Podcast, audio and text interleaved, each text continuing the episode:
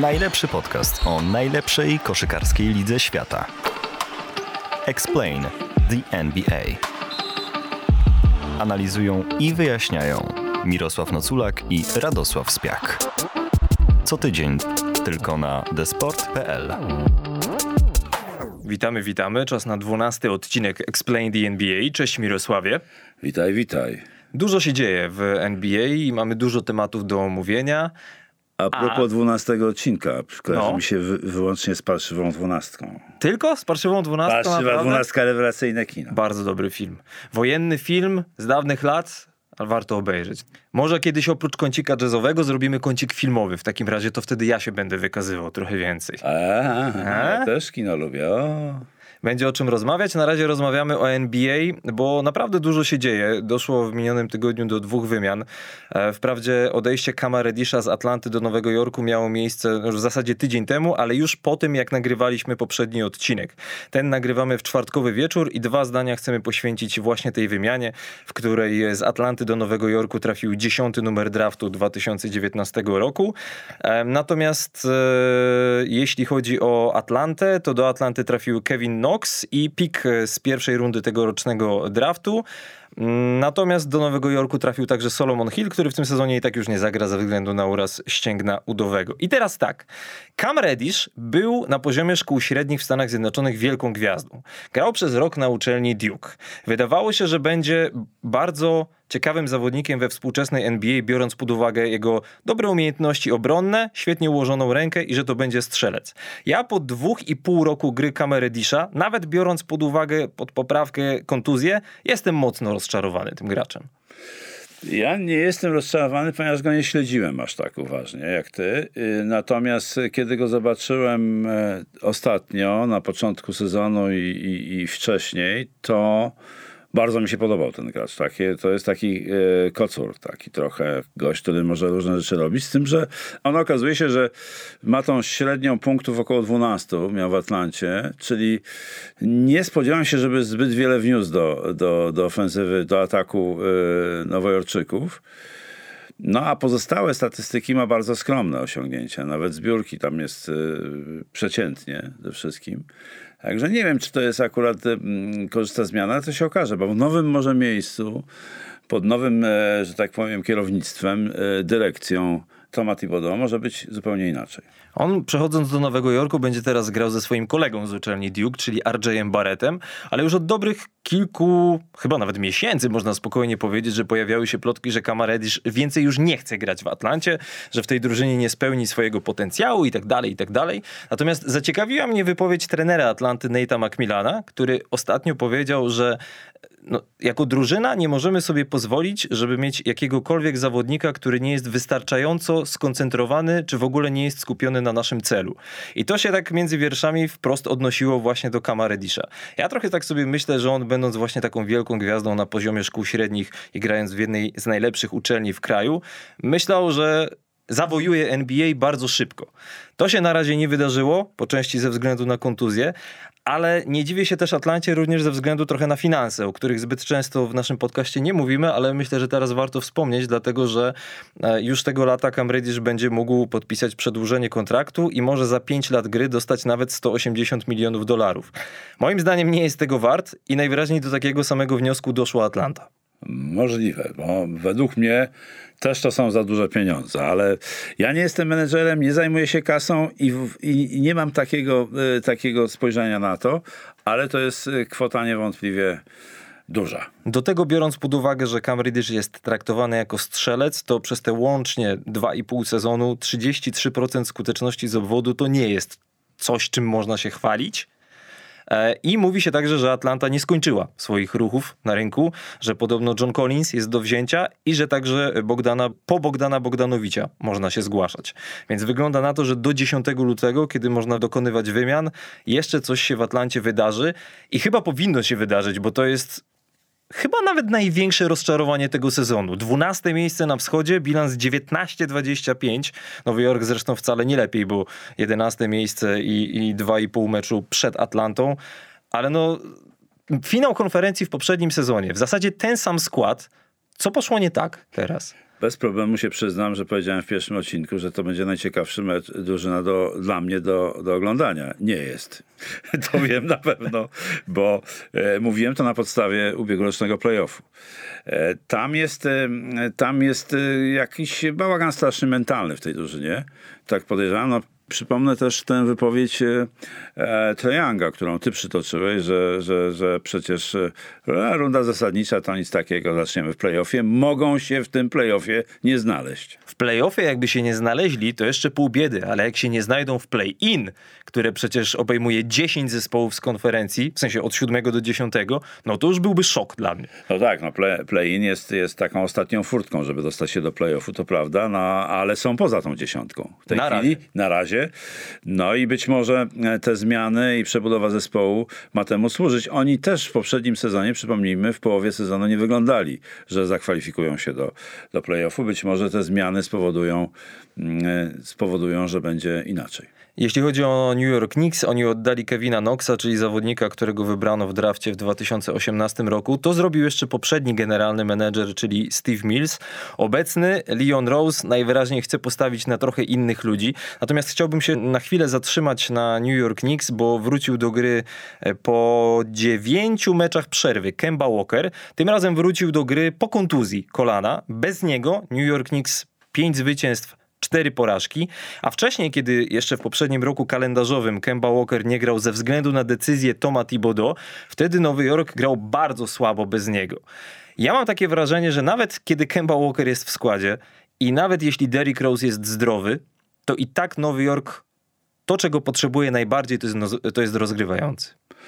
No tak, ani jeden, ani drugi nie jest takim, takim chociaż Kemba Walker takie wrażenie sprawiał jeszcze w, e, i taką rolę pełnił w w Charlotte, ale... No właśnie, to było już ładnych parę lat temu. Tak, i to było ładnych parę lat temu. Potem już nie sprawdził się według e, e, właścicieli czy zarządców e, Bostonu. No i powrót do Nowego Jorku, powrót do Nowego Jorku w, sensie, w tym sensie, że on stamtąd pochodzi. Wszyscy liczyli, że, że to będzie ważny czynnik w grze, a wiemy, że mówiliśmy o tym też w poprzednim odcinku lub dwa wstecz, że on i Evan Fournier nie spełnili oczekiwań Nowego Jorku. Średnia 13 wtedy, teraz 13,8 obydwaj mają, także to nie jest to, czego się spodziewali Nowojorczycy. Już po tej wymianie Knicks zmierzyli się z Hawks i Nowy Jork wygrał 117 do 108, chociaż akurat w tym meczu nie zagrał Cam Reddish ze względu na kontuzję prawego e, stawu skokowego. E, tak samo e, nie zagrał zresztą Kemba Walker, to był jeszcze jeden z tych meczów, w których nie grał. No i Nowy Jork, tak jak powiedziałem, tylko jedno miejsce w tabeli wschodu nad Atlantą, aczkolwiek to już są 2,5 meczu różnicy. E, przeskakujemy ze wschodu na zachód, dlatego że w Los Angeles znowu źle się dzieje. Katastrofalna porażka z Indiana Pacers, z drużyną, która nie wygrała meczu na wyjeździe od końca listopada, a Los Angeles Lakers przegrywają u siebie po bardzo słabym meczu, właśnie z Pacers. Przegrali 104 do 111. I trener Frank Vogel na ostatnie 4 minuty zdjął z boiska Russella Westbrooka. Wprowadził Malika Monka i potem na konferencji prasowej pytany o to tłumaczył, że wybrał zestaw zawodników, który według niego dawał największe szanse na zwycięstwo w tym meczu. Lakers tego meczu nie wygrali, w związku z czym po raz kolejny pojawia się pytanie, czy Frank Vogel zostanie zwolniony, bo Lakers w tym momencie mają ujemny bilans, 22 zwycięstwa i 23 porażki. Podobno nic się takiego na razie nie wydarzy, ale nie chce mi się wierzyć, że jeśli Lakers w najbliższej serii wyjazdowych meczów, a mają sześć z rzędu, nie wygrają co najmniej trzech, tak. co najmniej, to Frank Vogel będzie jeszcze trenerem za te dwa tygodnie. Nie wiem, e, mam wrażenie, że e, tam się niedobrze dzieje i jestem zaskoczony, bo to jest taka huśtawka, że tak posłużę takim oklepanym terminem w grze. Widziałem mecz, e, nie widziałem meczu z Indianą, przyznaję, ale widziałem mecz, ponieważ dzisiaj w nocy na żywca oglądałem zupełnie fascynujący pojedynek Denver z, mm, z Clippersami dogrywka. Ale oni świetnie zagrali z jazzem. Ja myślałem, że to że zagrali tak znakomicie w obronie, zatrzymali jazz, jeden z najlepszych, z najlepszą drużynę w ataku na, z 90 punktami, więc świetna obrona. Świetna gra Westbrooka w końcówce. Paczka nad Gobertem taka, że aż mi włosy stanęły dęba, których nie mam. Więc to było coś nieprawdopodobnego. I, I dwa dni później taki słaby mecz z Indianą. No ja mam wrażenie, że Franka Vogela na niego stara się trochę zwalić winę za to, jak ten zespół został skonstruowany. A to przecież za konstrukcję drużyny odpowiada dyrektor sportowy. I Czyli Rob Pelinka. Tak. I pytanie, które chcę ci zadać Mirosławie, dlatego że e, jakiś czas temu napisałem na desport.pl taki tekst o dyrektorach sportowych. Wiem, że to jest po części twój konik, ty się zresztą w tym tekście wypowiadałeś. Ostatnio pojawiły się informacje, że nie tyle Rob Pelinka, co Kurt Rambis, były zawodnik Los Angeles Lakers, który wrócił do klubu w 2017 roku. Jest, w hierarchii jest nawet wyżej, wyżej. Niż, niż Rob Pelinka. E, ostatnio po raz pierwszy pojawił się na spotkaniu trenerów przed meczem i zasugerował, żeby więcej grać wysokim składem z Dwightem Howardem i DeAndre Jordanem. E, jak na to się zapatrujesz? Znaczy, to jeżeli, jeżeli dyrektor, dyrektor sportowy ma prawo do takich rozmów e, z, z, ze sztabem szkoleniowym, to w ogóle nie ma o czym gadać, ale raczej nie powinno to się e, pojawiać w mediach, takie, takie, takie negocjacje czy rozmowy bo to znaczy, że tam jest brak, brak jakiegoś zaufania wzajemnego. I taki przeciek może świadczyć o jakiejś, jakiejś polityce ze strony Rambisa i czy w ogóle Lakers w stosunku do, e, do Franka Vogela. No tak, tylko że jak rozmawialiśmy o tych dyrektorach sportowych, to pamiętam, że tak tłumaczyłeś trochę, że owszem, dyrektor sportowy nadzoruje pracę trenera, ale nie powinien mu sugerować, co konkretnie ma grać, a trochę tak to brzmi. To znaczy, na pewno e, ta sugestia taka expressis verbis jest, e, no jest, to świadczy o tym, że tam nie ma dobrych relacji, bo, bo, bo albo brak uznania i, i ze strony Rambisa dla, dla, dla pracy trenera, albo jakieś inne powody, tak nie powinno się dziać na pewno. Nadzór, mądry nadzór dyrektora sportowego nad, nad organizacją to jest coś, co jest niezbędne, bo musi być coś takiego, ale wiemy, że z tym bywa różnie i tutaj ta sytuacja nie podoba mi się jako, jako rozwiązanie ze strony, że tak powiem, działaczy Lakers. Frank Vogel wprawdzie sam twierdzi, że jego relacja z zarządzającymi Los Angeles Lakers jest zdrowa, e, no ale podobno ostatnio pojawiły się różne analizy, czy aby Frank Vogel, jak to się zwykło po koszykarsku mówić, nie stracił szatni, czyli jeszcze ma posłuch wśród swoich koszykarzy. Stan Van Gundy który kiedyś doprowadził Orlando do finału NBA, stwierdził wprost, że to jest po prostu szaleństwo, że ten człowiek wygrał dwa lata temu mistrzostwo z Lakers, a teraz już się go zwalnia. No ale z drugiej strony, jak się tak patrzy, nawet jeśli nie on budował ten skład, to jak ocenić w takim przypadku, na ile winny temu, co jest teraz, jest trener, a na ile sama konstrukcja składu? Bardzo trudne do oceny, z daleka szczególnie. Mm, te przecieki nie, nie świadczą o dobrej atmosferze. No trudno się dziwić. Lakers mierzyli w tytuł, w odzyskanie tytułu. Może mierzą jeszcze. No, to, to, to jeszcze jest nie, niezakończona sprawa. Na pewno, ale e, na dzisiaj to, to, to nie wygląda dobrze. Więc e, E, może być tam niewesoło w, tym, w tej ekipie i y, może być też tak, że ja obserwuję Franka Vogela. To jest specyficzny trener dla mnie. On jest trochę taki, mam wrażenie, że on nie do końca zarządza tą ekipą. Mam wrażenie, to jest tylko wrażenie i z daleka. Tam myślę, że kto inny rządzi i wiemy kto. E, LBJ taki jest skrót tego. Chyba gościa. kojarzę. No, możesz kojarzyć, bo on dosyć jest powszechnie znany. I to, e, to, to jest w ogóle zarządzanie takim gościem jak LBJ to jest, to jest na pewno trudna sprawa. A Frank Vogel mm, nie sprawia wrażenia, jakby, jakby mu to szło gładko. Chyba nikomu to nie idzie gładko. Nie szło gładko, tak bym powiedział. Paru gości może by się znalazło, którzy by z tym sobie poradzili, ale, ale nie jest to e, moim zdaniem tak z daleka, patrząc na to, Frank Vogel. Lakers bilans 22-23, ósme miejsce na zachodzie. W tym momencie e, tracą Lakers dwa mecze do Denver Nuggets, którzy są na szóstej pozycji. Na moment jeszcze wracamy do Nowego Jorku, aczkolwiek w zupełnie innym charakterze i z zupełnie innym tematem. Wprawdzie koszykarskim, ale po części trochę takim rozrywkowym, a może też analitycznym. Dlatego, że być może słyszeliście, że Brooklyn Nets jako pierwszy profesjonalny klub, nie tylko koszykarski, ale w ogóle sportowy, będzie można obejrzeć e, w metaverse, czyli w tej takiej wirtualnej rzeczywistości świat osadzony w tej wirtualnej rzeczywistości Brooklyn Nets nazwali Netaverse, od nazwy klubu oczywiście. I polega to na tym, że 100 kamer wysokiej rozdzielczości e, rejestruje w czasie rzeczywistym obraz gry i kibice mogą to sobie oglądać tak w zasadzie z dowolnego miejsca dookoła boiska. Niekoniecznie to, co im pokazuje telewizja. Jeśli chcecie trochę więcej szczegółów, to na pewno odsyłamy na desport.pl, bo tam jest tekst na ten temat. Natomiast tak się zastanowiłem i chciałem cię, Mirosławie, zapytać o to, no bo na razie to jest rozrywka. Chodzi o to, żeby po prostu kibic mógł sobie obejrzeć mecz z dowolnego miejsca dookoła parkietu. Z nad parkietu, pod kątem, gdzieś tam jeszcze indziej.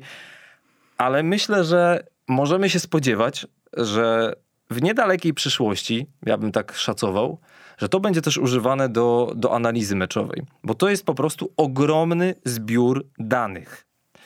Czy ty jako trener korzystałbyś z czegoś takiego w trakcie meczów? Dam ci konkretny przykład. Załóżmy, że masz czwartą kwartę, twoja drużyna gra nie najlepiej, bierzesz timeout i chcesz podjąć jakąś decyzję na podstawie swoich obserwacji.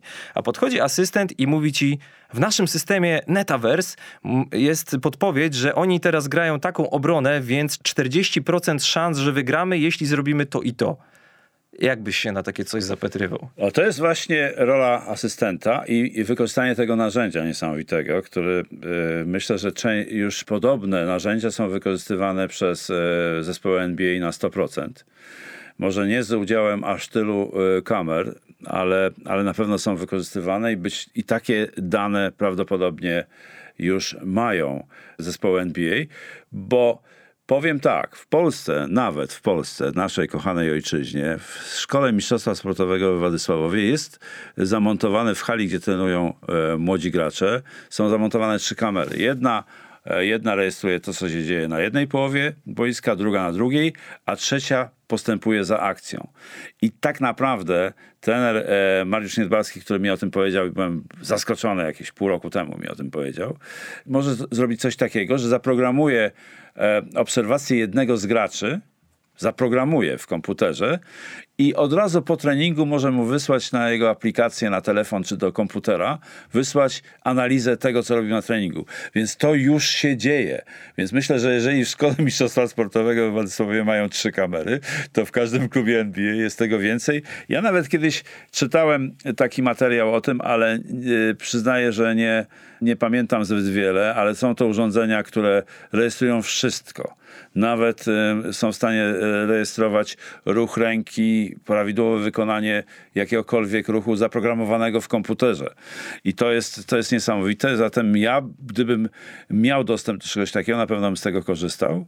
I po co są asystenci, żeby właśnie takie rzeczy wychwytywać? I mój komputer, który mam w głowie, swój prywatny, własny, taki, albo to przyjmie, albo to odrzuci to już jest wybór coacha. Tylko pytanie, bo trochę inna jest sytuacja, kiedy możesz spokojnie takie coś przeanalizować po treningu, tak jak podałeś przykład SMS-u. A co innego chyba jednak trochę w trakcie meczu, gdzie masz powiedzmy tę minutę timeoutu i zdecydowanie mniej czasu. Można to zrobić. Na 100%. Kwestia wyboru, wyboru tego po prostu urządzenia. Nie ma w ogóle o czym. Yy, I tego, co podaje to urządzenie. Trener musi taką decyzję umieć podjąć. Nowinki techniczne, o których przed chwilą mówiliśmy, są fascynujące i mam historię z 1993 roku, która wprowadziła, sytuacja, która mnie wprowadziła w absolutny szok. Lecę do Nowego Orleanu, wsiadam we Frankfurcie do samolotu i mam przesiadkę w Atlancie. W tym samolocie działa się jeszcze jedna rzecz, którą będzie e, w następnej części tej opowieści będzie ta sytuacja pokazana, ale w Atlancie musiałem się przesiąść z jednego terminala na drugi i do tego służył pociąg wewnętrzny pod między terminalami.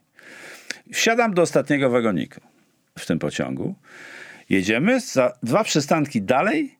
Nagle ostatni wagonik staje się pierwszym i nie ma w nim nikogo, kto by ten wagonik prowadził. Prowadził go komputer. W 1993 roku był to dla mnie szok. Ja w ogóle nie, byłem w takim szoku, że nie wiedziałem w ogóle, co się dzieje. Po prostu jechał sobie pociąg po szynach e, sterowany zdalnie programem komputerowym. Niezłe, co? Ale- 1993 rok. Ale zdążyłeś wysiąść, czy pojechałeś w drugą stronę z powrotem? Nie no, pojechałem tam, gdzie miałem, bo miałem informację, do, na A, którym okej. terminalu mam wysiąść, więc oczywiście zdążyłem wysiąść na swoim, ale on tak krążył między terminalami. Atlanta to jest olbrzymie lotnisko. W związku z tym byłem w niesamowitym szoku. Ale w samolocie do Atlanty obok mnie siedział pasażer, który korzystał z dziwnego urządzenia. Wkładał tam płyty CD, tak zwanego Discmana. 93 rok. Ale to nic, bo wyciągał sobie z jakiegoś takiego tajemniczego pudełeczka te płyty i wkładał.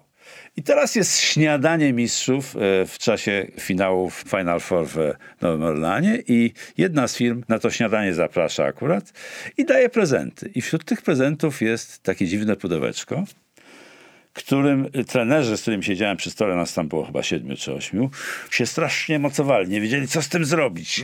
Prawie, że gryźli te, to pudełko, żeby je otworzyć. Tymczasem ja nacisnąłem sobie na takie urządzenie, które było przy tym pudełeczku. Otworzyłem panowie. To jest pudełeczko do przewożenia y, płyt CD. I oni spojrzeli na mnie, byli w takim szoku, tak jak ja w tym, w tym, w tym pociągu na, na lotnisku. Pomyśleli sobie, jak to facet przyjechał z dzikiego wschodu, tam gdzie prawdopodobnie w zimie niedźwiedzie chodzą po ulicach i nas instruuje, do czego służy pudełeczko na płyty CD. Więc byłem, byłem bogiem tej sytuacji absolutnym i to było świetne. To była nowinka techniczna. Czyli z byłeś- 93 roku. Czyli byłeś mistrzem na śniadaniu mistrzów. Byłem absolutnym, stałem się nieoczekiwanie mistrzem śniadania mistrzów e, w, podczas kongresu NABC, czyli Stowarzyszenia Trenerów Amerykańskich College'ów, którego byłem członkiem międzynarodowym, ale o tym już mówiłem. Ale właśnie dlatego też na chwilę zahaczyliśmy o ten temat e, Netaverse, no bo technologia oczywiście i analityka ogólnie danych statystycznych jest w zasadzie w każdej dziedzinie życia no, coraz bardziej powszechna, chociażby w ekonomii również, ale w sporcie to już idzie w takim kierunku, że czasami jak słucham znajomych, którzy interesują się baseballem, to mówią, że już w zasadzie nie mogą między sobą podyskutować, który zawodnik jest lepszy, a który gorszy na takie argumenty na oko tak zwane, bo wszystko jest zapisane w liczbach i nie ma dyskusji.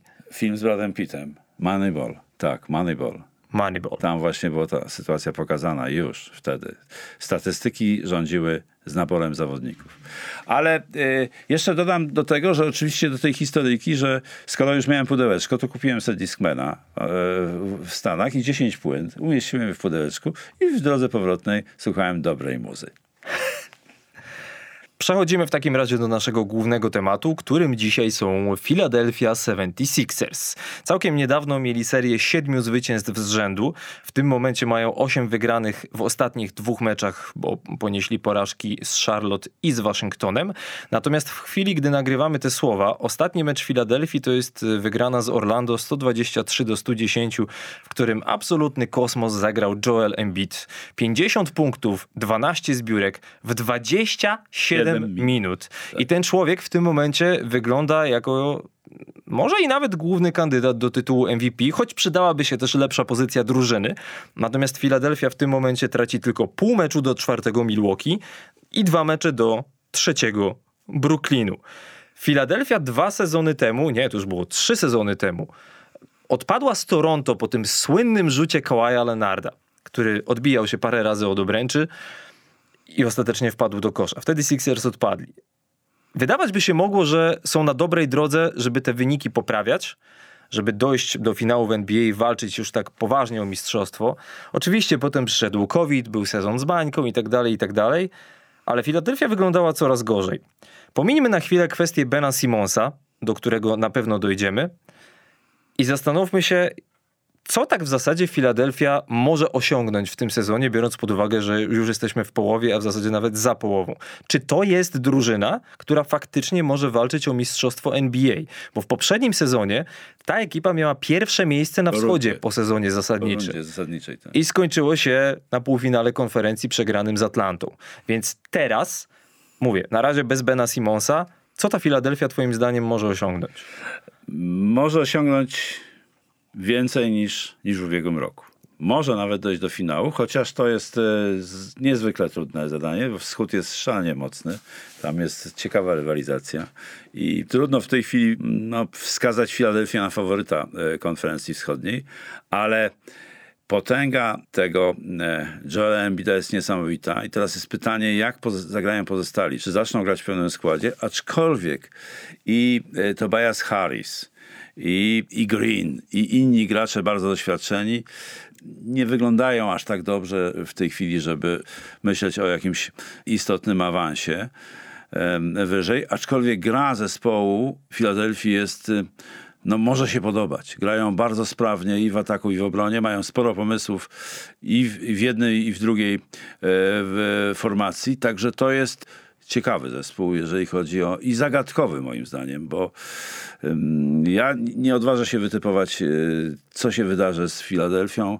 Lubię ich oglądać, świetnie grają, mają świetne pomysły. Do Cleavers e, wprowadza swoje, swoje koncepcje. Możemy o tym więcej powiedzieć, na czym to polega. Jest bardzo ciekawa filozofia y, do Caliversa. On mówi, że atak to jest przyjemność, natomiast obrona to jest coś, co buduje team spirit, buduje siłę zespołu, spójność zespołu i to bardzo jest e, filozofia bliska mojej. Więc to e, bardzo cenię do Caliversa i bardzo mi się to podoba, bo, bo to oddaje tak w moim mniemaniu dobrze równowagę między tymi dwoma żywiołami, atakiem i obroną e, w koszykówce. Czyli nie to, że atak sprzedaje bilety, a obrona zdobywa mistrzostwa. No to, to są takie grepsy, których ja, nie, ja nie, w ogóle nie, nie, nie, nie przyjmuję do swojej, swojej świadomości. Po prostu uważam, że dla mnie najważniejszą funkcją obrony jest właśnie oprócz tego, że, że zapobiega przegranej często, to jest to, że, że buduje siłę zespołu, morale zespołu. W ataku e, jeden zawodnik może rozwiązać problem. Natomiast jeżeli w obronie, już o tym mówiliśmy, jeden lub dwóch będzie się obijał, jest po zawodach. Zatem e, obrona buduje spójność i, i morale zespołu to się wiąże z, też z wynikami, bardzo ściśle. Natomiast jeżeli chodzi o atak, to oni fajną rzecz wykonują, bo tam jest jeden, jedna z rozwiązań, to jest, e, to jest atak nazwany Iverson Flare Screen. To jest bardzo fajna rzecz, bo to, to jest zasłona, którą stawiają dwaj wysocy gracze na tak zwanym łokciu, ustawieni na łokciu lub wyżej, czyli na, na skrzyżowaniu linii, linii poziomej i pionowej e, pola 3 sekund. I to, to jest roz, rozpoczęcie ataku i ono jest, ono jest przeznaczone głównie dla w obecnej Filadelfii dla Seta Karego. Także to jest, to jest fajne, bo to jest, to jest taka ciągłość, e, tak powiem, Filadelfii, przecież Iverson był jednym z najważniejszych graczy w historii tej drużyny. Było tam wiele dobrych nazwisk, ale Iver e, dobrze nam się e, kojarzy. Jak omawialiśmy w jednym z odcinków Explain the NBA obronę strefową, która w ostatnich latach trochę odżyła w NBA, tak to nazwijmy. Ja no podawa... Bardzo odżyła, bo nawet bardzo jej odżyła, nie było właśnie. tak naprawdę. Ja podawałem nawet taki przykład, gdzie e, Doc Rivers e, jeszcze wtedy jako szkoleniowiec Los Angeles Clippers twierdził, że gdyby jego trener ze szkoły średniej wiedział, ile on używa obrony strefowej, a nie używa jej jakieś bardzo dużo, to by się przewracał w grobie. Ale Doc Rivers Tę obronę strefową najwyraźniej trochę polubił, bo w Filadelfii stosuje też tak zwaną, i tutaj wiem, że bardzo lubisz to sformułowanie, matchup zone. To nie jest łatwe do wytłumaczenia, natomiast chciałbym, żebyśmy się, mimo tego, że to tylko podcast, nie mamy tutaj tabliczki, żebyśmy mogli rozrysować albo pokazać jakieś wideo, ale żebyśmy się pokusili o wytłumaczenie tego, bo Filadelfia ten element gry akurat stosuje. Tak, matchup to jest, to jest taki, oczywiście do, dosłowne tłumaczenie to jest dopasowanie się i ten matchup defense y, zone to jest, to jest w zasadzie wykorzystywanie w obronie strefowej obrony każdy swego i odwrotnie. Z obrony każdy swego można przejść do obrony strefowej, albo całościowo, albo w niektórych formacjach. Na przykład, jeżeli mamy ustawienie 2-3, pierwsza linia jest, jest absolutnie czyli te, tam, gdzie jest dwóch graczy, może nie przemieszczać się z zawodnikami, ale już zawodnicy drugiej linii, czyli tam, gdzie jest ich trzech, mogą się przemieszczać. Tych rozwiązań jest mnóstwo. Za swoim zawodnikiem, czyli wychodzić ze swojej strefy i podążać za nim gdzie indziej. Także te rozwiązania są, to są bardzo skomplikowane rozwiązania i trudne do, do wprowadzenia. Mogą być tam pułapki stosowane, mogą być podwojenia, mogą być e, różne rzeczy, w tym matchup defense. Akurat tu do Caliversa chodzi o to, żeby głównie chodziło w jego filozofii o to, żeby utrzymać pod koszem gracza wysokiego, który będzie chronił obręcz, jak to się teraz popularnie mówi.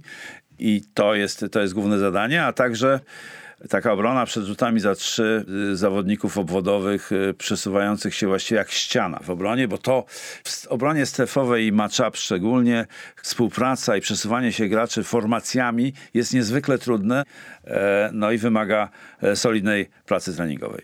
To skoro rozmawiamy o obronie 76ers, to ja chciałem parę zdań poświęcić Matisowi Tajbulowi, reprezentantowi Australii, który jest jednym, no w zasadzie chyba można to tak powiedzieć, najbardziej nietypowo grających obrońców.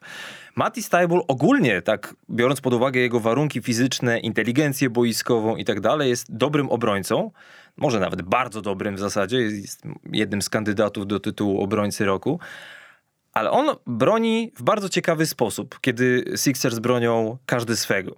Polecam zwrócić uwagę, dlatego że często, kiedy zawodnik przyciska się przez zasłonę, tak jak na robi, szczycie tak zwane. Na szczycie, tak jak, tak jak robi to Tajbul, potem stara się jak najszybciej wrócić przed swojego zawodnika, no bo stara zasada, chodzi o to, żebyś był między piłką a koszem. Tak jest. A Tajbul bardzo często zostaje za plecami swojego zawodnika i albo wybija mu piłkę za pleców, albo blokuje rzut. Oczywiście to się nie dzieje za każdym razem, żeby była jasność. Natomiast sam fakt, że on z tego zrobił stały element, powoduje, że można tutaj mówić moim zdaniem o nietypowości. No bo jednak klasyczne podejście do obrony tego typu akcji mówi, że powinieneś jak najszybciej wrócić przed swojego zawodnika. Zasada po prostu. I, I Mati Stajbul w tym, co robi, jest niezwykle skuteczny, biorąc pod uwagę y, średnią bloków, bo taką statystykę znalazłem, biorąc pod uwagę średnią bloków na 100 posiadań w obronie, y, Tajbul ma ponad dwa bloki w takiej kategorii statystycznej i w ostatnich 30 latach z jego pozycji tylko Danny Green w San Antonio, Tracy McGrady w Orlando i Michael Jordan w 88 roku mieli taką liczbę bloków. I on też stosuje, polecam naprawdę, jak się ogląda Filadelfię, zobaczyć, kiedy Tajbul skacze do bloku. Dlatego, że on bardzo często wyskakuje do bloku, zanim jeszcze rywal tak naprawdę na dobre złoży się do rzutu. Czyli antycypuje, mówiąc tak. Tak jest. Tak.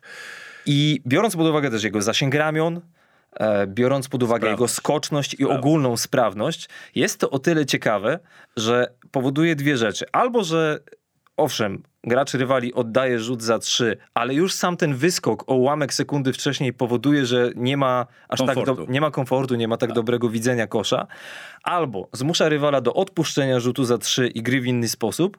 I tutaj dochodzimy do drugiego bardzo ważnego elementu obrony oprócz Matisa Tajbula, czyli Joela Embida, który zabezpiecza drugą linię. Tak jest. Dlatego jak będziecie oglądali mecze Filadelfii, naprawdę polecam oglądać i przypatrzeć się tak przez chociaż jedną połowę tylko Matisowi Tajbulowi i co konkretnie robi w obronie. Chodzi mi o te dwie rzeczy właśnie. Zostawanie za plecami rywala i co mu to daje i wyskakiwanie do bloku przed oddanym rzutem. I do tego dochodzi Joel Embiid. Oczywiście jest to pewne ryzyko, ale właśnie Embiid ma to ryzyko w pewnym sensie minimalizować. No tak, to jest duże ryzyko, ale i też zupełnie niezgodne z kanonami, dlatego tak jak powiedziałeś, to jest specyficzny sposób obrony i uznawany przez coacha, co jest najważniejsze, bo inaczej by tego nie robił. No i Joel Embiid już w zasadzie w poprzednim sezonie był kandydatem do nagrody MVP, bo jak mówiliśmy, Philadelphia w zeszłych rozgrywkach była najlepsza w sezonie zasadniczym na wschodzie. E, tytuł MVP zgarnął Nikola Jokic, być może również ze względu na fakt, że zagrał we wszystkich 72 meczach w poprzednim sezonie. Embiid jednak trochę tych spotkań opuścił. W ogóle miał problemy ze zdrowiem w zasadzie od początku, kiedy dołączył do NBA, a trafił przecież tam e, w 2014 roku. W poprzednim sezonie opuścił 21 meczów. E, no w tym też już oczywiście COVID, zupełnie inna sprawa, więc nie ma sensu tego bardziej analizować, ale moim zdaniem jeśli Filadelfia znajdzie się w czołowej trójce wschodu i Embiid będzie grał tak dalej jak gra teraz. Oczywiście nie chodzi mi o to, że w każdym meczu będzie zdobywał 50 punktów, no ale w tej serii siedmiu wygranych z rzędu za każdym razem miał 30 co najmniej. 30 plus, tak. No to może nie Kevin Durant, może Joel Embiid jednak jako MVP. E, moim zdaniem e, to jest bardzo poważny kandydat. Jeżeli tak, e, tak będzie, jak mówiłeś przed chwilą, że będzie do końca grał na zbliżonym poziomie i nie będzie miał kontuzji, nie będzie z jakiegoś powodu nie grał. Gra świetnie. Jest w tej chwili, to jest dla mnie egzemplifikacja nowoczesnego środkowego. Absolutnie. To jest, on robi trzy rzeczy podstawowe, które które powodują, że to jest jeden z najlepszych środkowych. Jest ich dwóch w zasadzie, bo ma tego brata bliźniaka Serba Jokicia, który, który jest prawie taki sam jak on. E, oczywiście różnią się wykonawstwem, ale to samo potrafią. Walą truje, grają z półdystansu, grają przodem do kosza i grają tyłem do kosza. Więc to są rzeczy, y, które współczesny środkowy, jeżeli chce się liczyć i być w towarzystwie kandydatów do, y, do MVP, musi umieć. To jest Jokic i to jest Embiid i jeszcze e, Carl Anthony Towns z Minnesota, ale on jest troszeczkę poniżej tej dwójki. I paru jeszcze jest takich graczy, w Indianie jest dwóch, jest, jest e, Sabonis i Miles Turner, którzy mają podobne umiejętności, ale w ogóle tu chciałem przy Sabonisie powiedzieć, że senior Sabonis, Arwydas. Arvydas, to był prekursor właśnie tego modelu współczesnego środkowego, który potrafił świetnie podawać, to co robi Jokic rewelacyjnie, tutaj ma przewagę nad Embidem, rzucał z dystansu, grał przodem do kosza i grał tyłem do kosza przy dwóch 20 centymetrach czy 21 centymetrach wzrostu. Więc to był, to był prekursor tego, tego współczesnego koszykarza grającego na pozycji środkowego. Jeśli nie pamiętacie tych czasów, to polecamy sobie na YouTubie chociaż sprawdzić jakieś pełne mecze Arvydasa Sabonisa, bo na pewno są. E, no to, to, to fenomenalny gracz był tam, w tamtych czasach. To wyprzedzał epokę. Co ciekawe, statystycznie Filadelfia jest, i teraz uwaga, bo nawet sam się zaskoczyłem, jak to sprawdzałem, jest najgorszą drużyną w całej lidze, jeśli Zbiórki. chodzi o zbiórki. 30. Tak. To jest wręcz niewiarygodne, zwłaszcza biorąc pod uwagę, że masz kogoś takiego jak Joel Embiid. No ale Doc Rivers zapytany, co się musi zmienić jeszcze jeśli coś się ma zmienić, żeby Philadelphia mogła powalczyć o mistrzostwo, oczywiście to było pytanie w kontekście nadchodzącego trade deadline, przypomnę 10 lutego, to Doc Rivers powiedział, że przede wszystkim potrzebujemy rozgrywającego. No i tutaj dochodzimy do tematu Bena Simonsa, o którym dość długo nie rozmawialiśmy. Na początku sezonu, w pierwszym odcinku, o ile dobrze pamiętam. Więc teraz biorę głęboki oddech. Mirosławie, minęło kilka miesięcy. Ben Simmons cały czas jest w Filadelfii, w sensie ma kontrakt z tym klubem, ale tam nie gra. Jest poza drużyną, która e, podobno przestała już go karać finansowo, dlatego że robi wszystko to, czego się od niego wymaga, poza samą grą. W sensie mm, ma spotkania z psychologiem, przychodzi na sesję z drużyną i tak dalej, i tak dalej, i tak dalej. Czy po tych kilku miesiącach od startu sezonu, twoim zdaniem, Ben Simmons, zadam to pytanie jeszcze raz, tak jak w pierwszym odcinku. Zagra jeszcze dla Filadelfii, czy już nie? Chyba nie. A to Chociaż- dobrze, czy źle?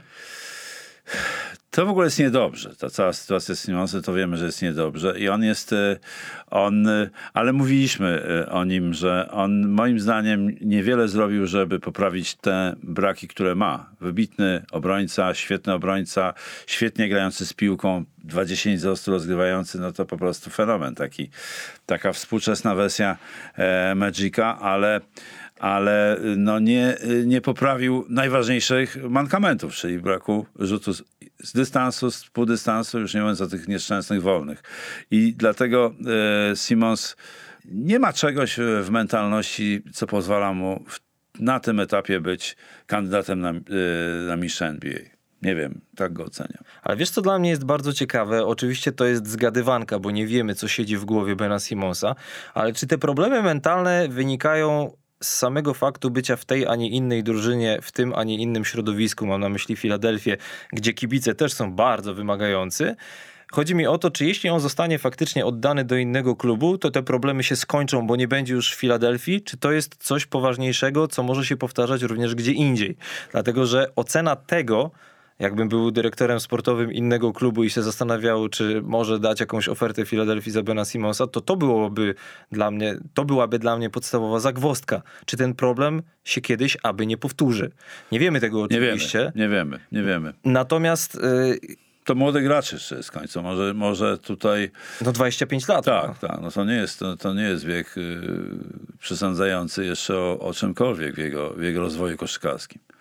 Natomiast, tak jak podkreśliłeś jego, e, jego atuty, które oczywiście są, ja się też tak zastanawiam, czy gdyby nie fakt, że on jest rozgrywającym, czy może bardziej gra na pozycji rozgrywającego, powoduje, że, że trochę wyolbrzymiamy te jego zalety. Dlatego, że gdyby on był graczem na pozycji, dajmy na to numer 3, co biorąc pod uwagę jego warunki fizyczne też byłoby możliwe, Tak. to przecież kompletnie bez rzutu za trzy punkty Nie ma co tam do, Ja nawet nie wiem, szukać. czy on byłby w NBA. Nie, nie, to nie ma, nie, nie ma nic do roboty. Zawodnicy z pozycji numer 3, jak nie rzucają za 3 punkty, nie wiem, powiedzmy Justice Winslow, to on po paru niezłych latach w Miami, teraz w Los Angeles Clippers gra średnio 11 minut. Skuteczność rzutów za 3 już w poprzednim sezonie w Memphis była beznadziejna. Rondé Hollis Jefferson mi przychodzi taki zawodnik do głowy. Jego już nawet w ogóle nie ma w NBA, gra w Turcji. Więc jaka jest tak naprawdę wartość Bena Simonsa w tym momencie?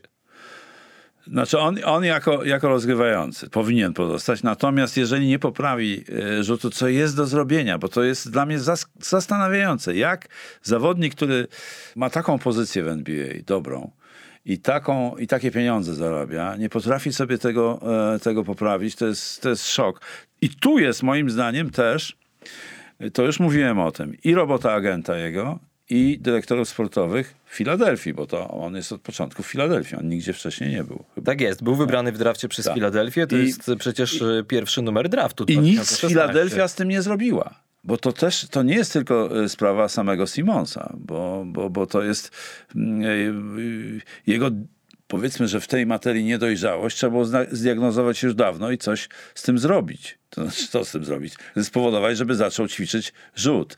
E, Dlaczego tak się nie stało? Nie wiem. Nie, nie jest, jesteśmy za daleko, żeby to oceniać.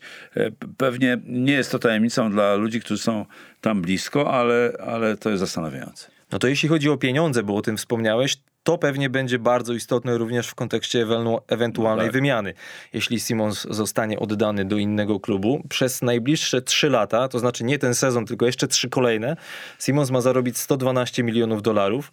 I wedle ostatnich informacji generalny menedżer 76ers, czyli Daryl Morey, wcześniej w Houston Rockets, odrzucił ofertę e, Detroit Pistons, którzy zaproponowali m.in. Jeramiego Granta, Kelego Olejnika, wybór w pierwszej rundzie draftu i Sadika Beya. I e, zdaje się, że też oferta Sacramento Kings została odrzucona. To już od jakichś, nie wiem, od jakichś dwóch miesięcy były plotki, że tutaj może być możliwy jakiś pakiet typu Harrison Barnes, znaczy ktoś z czwórki, Harrison Barnes, De'Aaron Fox, Tyrese Halliburton i Buddy Hield. Plus jeszcze oczywiście tam, żeby wyrównać to, wszystko finansowo. Podstawa, podstawa Sacramento. No i teraz załóżmy, że jesteś dyrektorem sportowym Filadelfii. Uprośćmy to. Nawet gdyby ktoś ci zaproponował wymianę jeden na jeden w tym momencie. Ben Simmons za De'Arona Foxa. Mhm. Brałbyś czy nie?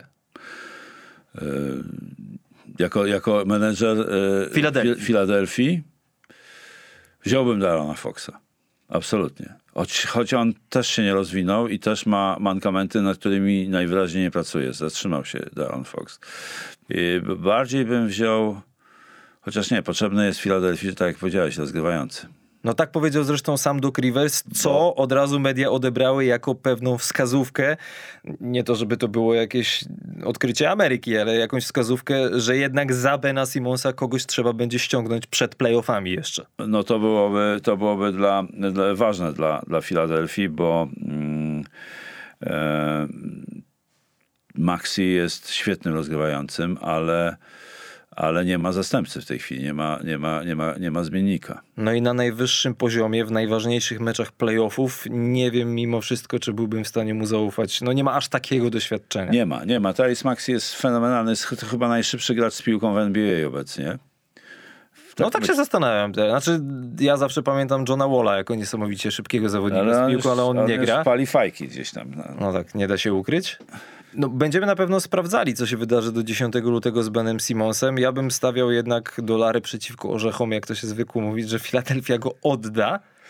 E, I myślę, że najlepiej dla niego byłoby, żeby go oddała gdzieś bardzo, bardzo daleko. To znaczy, po pierwsze na zachód i po drugie, żeby właśnie nie musiał do tej Filadelfii przyjechać. Żeby to nie była drużyna z tej samej dywizji, żeby, żeby odwiedzał i grał w tej Filadelfii. Niech on już o tej Filadelfii zapomni, niech ona o nim zapomni, niech się po prostu rozstają w, w, na zasadzie dobra, dziękujemy, nie wyszło. To jakaś psychodrama. indziej. Opowiadasz o jakiejś psychodramie. A tego, nie jest to psychodrama? No właśnie. Jest, ale powiem ci, że, że... A jeszcze jest taka pogłoska, że Harden się wybiera do Filadelfii może po tym sezonie i tam może być taka wymiana po sezonie. Trochę mi się nie chce w to wierzyć, szczerze mówiąc, ale, gdzieś zobaczymy. o tym przeczytałem. Bardzo ciekawa by to była historia niewątpliwie. No mówiło się też o, o, Atlancie, ale w ogóle w Atlancie się nie to, że zaczęły, ale uwypukliły te jego problemy w poprzednich playoffach, jak była ta słynna akcja, gdzie będąc pod samym koszem nie oddał rzutu, tylko oddał piłkę koledze. Ach, po prostu szkoda, bo po prostu ogólnie lubię Bena Simonsa jako koszykarza. Ja też. Ale no straszna to jest drama. Po prostu straszna. W związku z czym wydaje mi się, że Ben Simmons w Filadelfii już nie zagra. Ja bym bardzo, bardzo chciał zobaczyć e, Sixers w pełnym składzie, przede wszystkim zdrowych, bo oni mają trochę problemów zdrowotnych. W tym meczu z Orlando nie zagrał Danny Green, to był czwarty mecz z rzędu opuszczony. Nie zagrał Mati Stajbul, trzeci mecz z rzędu opuszczony. Nie zagrał Shake Milton, ósmy mecz z rzędu opuszczony. Więc jak oni wszyscy będą zdrowi i jeszcze dojdzie do tego rozgrywający, to ja bym się tej Filadelfii trochę bał. Tak, bo to jest dosyć głęboki skład wtedy. Z, tym, z tym jeszcze dodatkowym e, graczem, o którym mówisz, za Bena Simonsa, czyli rozgrywającym. Ale nie, nie, nie umiem, nie, wracając do Twojego pytania, nie umiem y, zdiagnozować, y, co oni mogą, gdzie oni mogą zajść, aczkolwiek gra mi się bardzo lubię oglądać Filadelfię i to, co wyprawia ten Joel Embiid, y, to jest coś nieprawdopodobnego, ale wszyscy tam fantastycznie grają. Grają zespołowo. Widać, że Doc Rivers wprowadził trochę e, swoich rzeczy w, w budowanie tego zespołu w sensie struktury taktycznej. Świetnie to wygląda. 26 wygranych, 18 porażek, piąte miejsce na wschodzie w tym momencie. Philadelphia ma przed sobą mecz u siebie z Clippers, na wyjeździe z San Antonio, a potem 5 meczów z rzędu we własnej hali. Kolejno Nowy Orlean, Lakers, Sacramento, Memphis i Waszyngton, więc będziemy sprawdzali, co się w najbliższych tygodniach Dwa będzie działo z Sixers. No, bardzo e, ciekawe, bo, bo Wizards w pewnym składzie są bardzo groźni, no a Memphis e, wiadomo, jest e, to czołówka zachodu.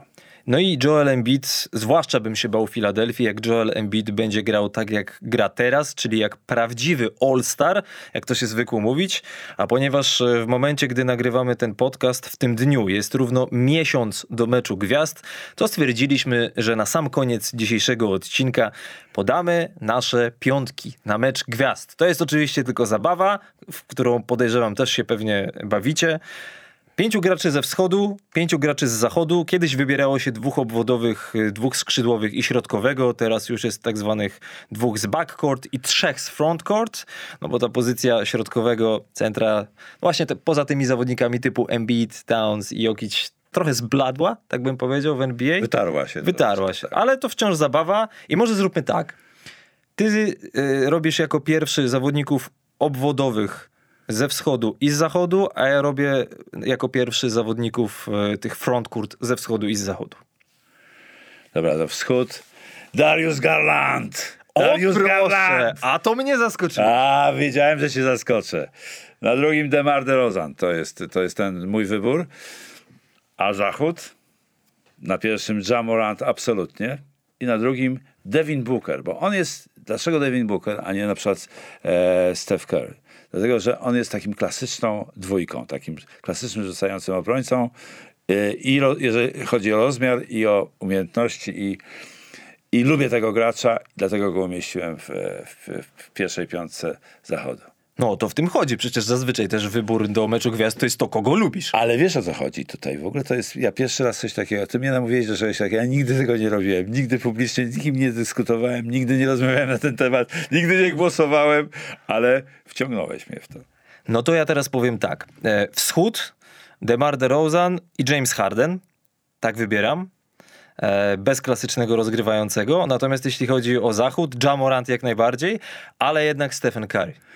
Wiedziałem, że tam umieścić coś ciekawego, ale ja bardzo się długo zastanawiałem i e, Devina umieściłem z, właśnie z tego powodu, że on jest takim klasyczną, klasyczną dwójką dla mnie i, i, i ma takie rzeczy, które w pełni oddają dzisiejszą też koszykówkę w nowoczesną na tej pozycji, czyli gra jeden na jednego, czyli rzuca spod kosza, rzuca z pół dystansu świetnie, czego nie ma Curry jeszcze i ma y, rzut z dystansu. Więc ma wszystkie te trzy rzeczy, które, które współczesny y, gracz obwodowy musi mieć. No nie, ale czekaj, Stephen Curry nie ma rzutu z półdystansu? Nie stosuje go zbyt często. A, w tym sensie? W tym sensie, w tym sensie. Okay. A, a, Devin Booker to tutaj jest, ma sporą równowagę, taką niezłą równowagę między rzutami za trzy i rzutami z, z półdystansu, no i, i po wejściach. Dobra, no to jeśli chodzi o ten frontcourt tak zwany, nawet bez podziału na, na 1, 2, 3, po prostu trzej zawodnicy, których biorę do wschodu. Joel Embiid, Janis i Kevin Durant. Aczkolwiek e, o, dla mnie jest oczywiste, że Kevin Durant powinien zagrać w meczu gwiazd, natomiast zastanawiałem się, czy jest sens w tym momencie głosować na niego, skoro ma kontuzję i mówi się, że może pauzować jeszcze przez no, 5 tygodni, może nawet więcej. E, aczkolwiek stwierdzam, że nawet jeśli nie zagra w meczu gwiazd, to po prostu głosujemy na tych, którzy najbardziej zasłużyli. Zasłużył jak jasna cholera. Nie mam Kevina Duranta. Na wschodzie nie masz? Nie mam. To kogo tam masz? Miles Bridges. O proszę, czyli stawiasz na Charlotte. młodzież trochę bardziej. Tak, tak, bo ja naprawdę mnie zachwyca młodzież e, w tym, w tym sezonie. Ci, ci pierwszoroczniacy są fantastyczni E, i to dzięki temu, będziemy o tym rozmawiać e, w przyszłości, co się stało, że, że, że tylu młodych wypłynęło. Myślę, że COVID i kontuzje miały na to wpływ, więc Miles Bridges, Janis Adetokumbo i Joel Embiid, of course. To tutaj się zgadzamy akurat. Janis i Embiid, tu myślę, że bez wątpliwości. A Tutaj zachód, rewolucyjnie, dwie, dwie pozycje Tak. rewolucyjne, Garland i, i Bridges, e, ale taki mój wybór. O to w tym chodzi przecież, no na tym Okej. to polega. A zachód, jeśli chodzi o frontcourt, dla mnie LeBron James, Nikola Jokic, Karl Anthony Towns. Na dwie wieże idę. LeBron, Draymond Green jako szeryf e, Warriors i Nikolaj jakiś oczywiście Joker. Czyli postawiłeś na Draymonda Greena jednak. No, Tak. Też się nad nim zastanawiałem, ale stwierdziłem, że Karl Anthony Towns, e, na Draymond ma 7, prawie 8 punktów, prawie 8 zbiórek i prawie 8 asyst. No 7,5, 7,4. Więc jest bardzo... e, No i poza tym jest szeryfem. To już mówiliśmy o tym e, z ekipy Warriors, która jest czołową drużyną zachodu. Mecz gwiazd odbędzie się 20 lutego w Cleveland. Po raz trzeci w historii odbędzie się w Cleveland i jak będziemy blisko e, tego dnia, jak będziemy nagrywali odcinek przed weekendem gwiazd, to wtedy na pewno Mirosław będzie miał dla was jakąś bardzo ciekawą historię. Ja już wiem, ale trochę was podtrzymamy w niepewności. Mecz gwiazd Washington 2000. Pewnie o tym myślisz, tak? będzie? 2001 Waszyngton. Tak, 2001? Chyba, że... O, nie, nie, nie, San Francisco, czyli Oakland 2000 oczywiście. Washington 2001, tak jest. Czyli historia histo- będzie- Historia jest z Oakland. z 2000 roku. Tak, to był pierwszy raz była transmisja internetowa z meczu NBA. No to na razie ten temat zostawiamy i na pewno wrócimy do niego przy okazji e, odcinka Explain the NBA przed meczem gwiazd bezpośrednio. Pyszna historia. Już się, już się szykujcie, krótko mówiąc. Kończymy ten odcinek. E, Mamy jeszcze e, w ramach e, interakcji prośbę do Was. Jeśli macie taką chęć zadać nam jakieś pytanie albo może zasugerować, żebyśmy powinni zająć się jakimś tematem, to możecie napisać do nas mail explainthenba małpa thesport.pl. Przyjrzymy się, chętnie porozmawiamy, chętnie porozmawiamy również z Wami. Może nawet na Twitterze hashtag explainthenba albo bezpośrednio do Mirosława. A na dzisiaj dzięki i to wszystko. Trzymajcie się. Cześć. Czołem.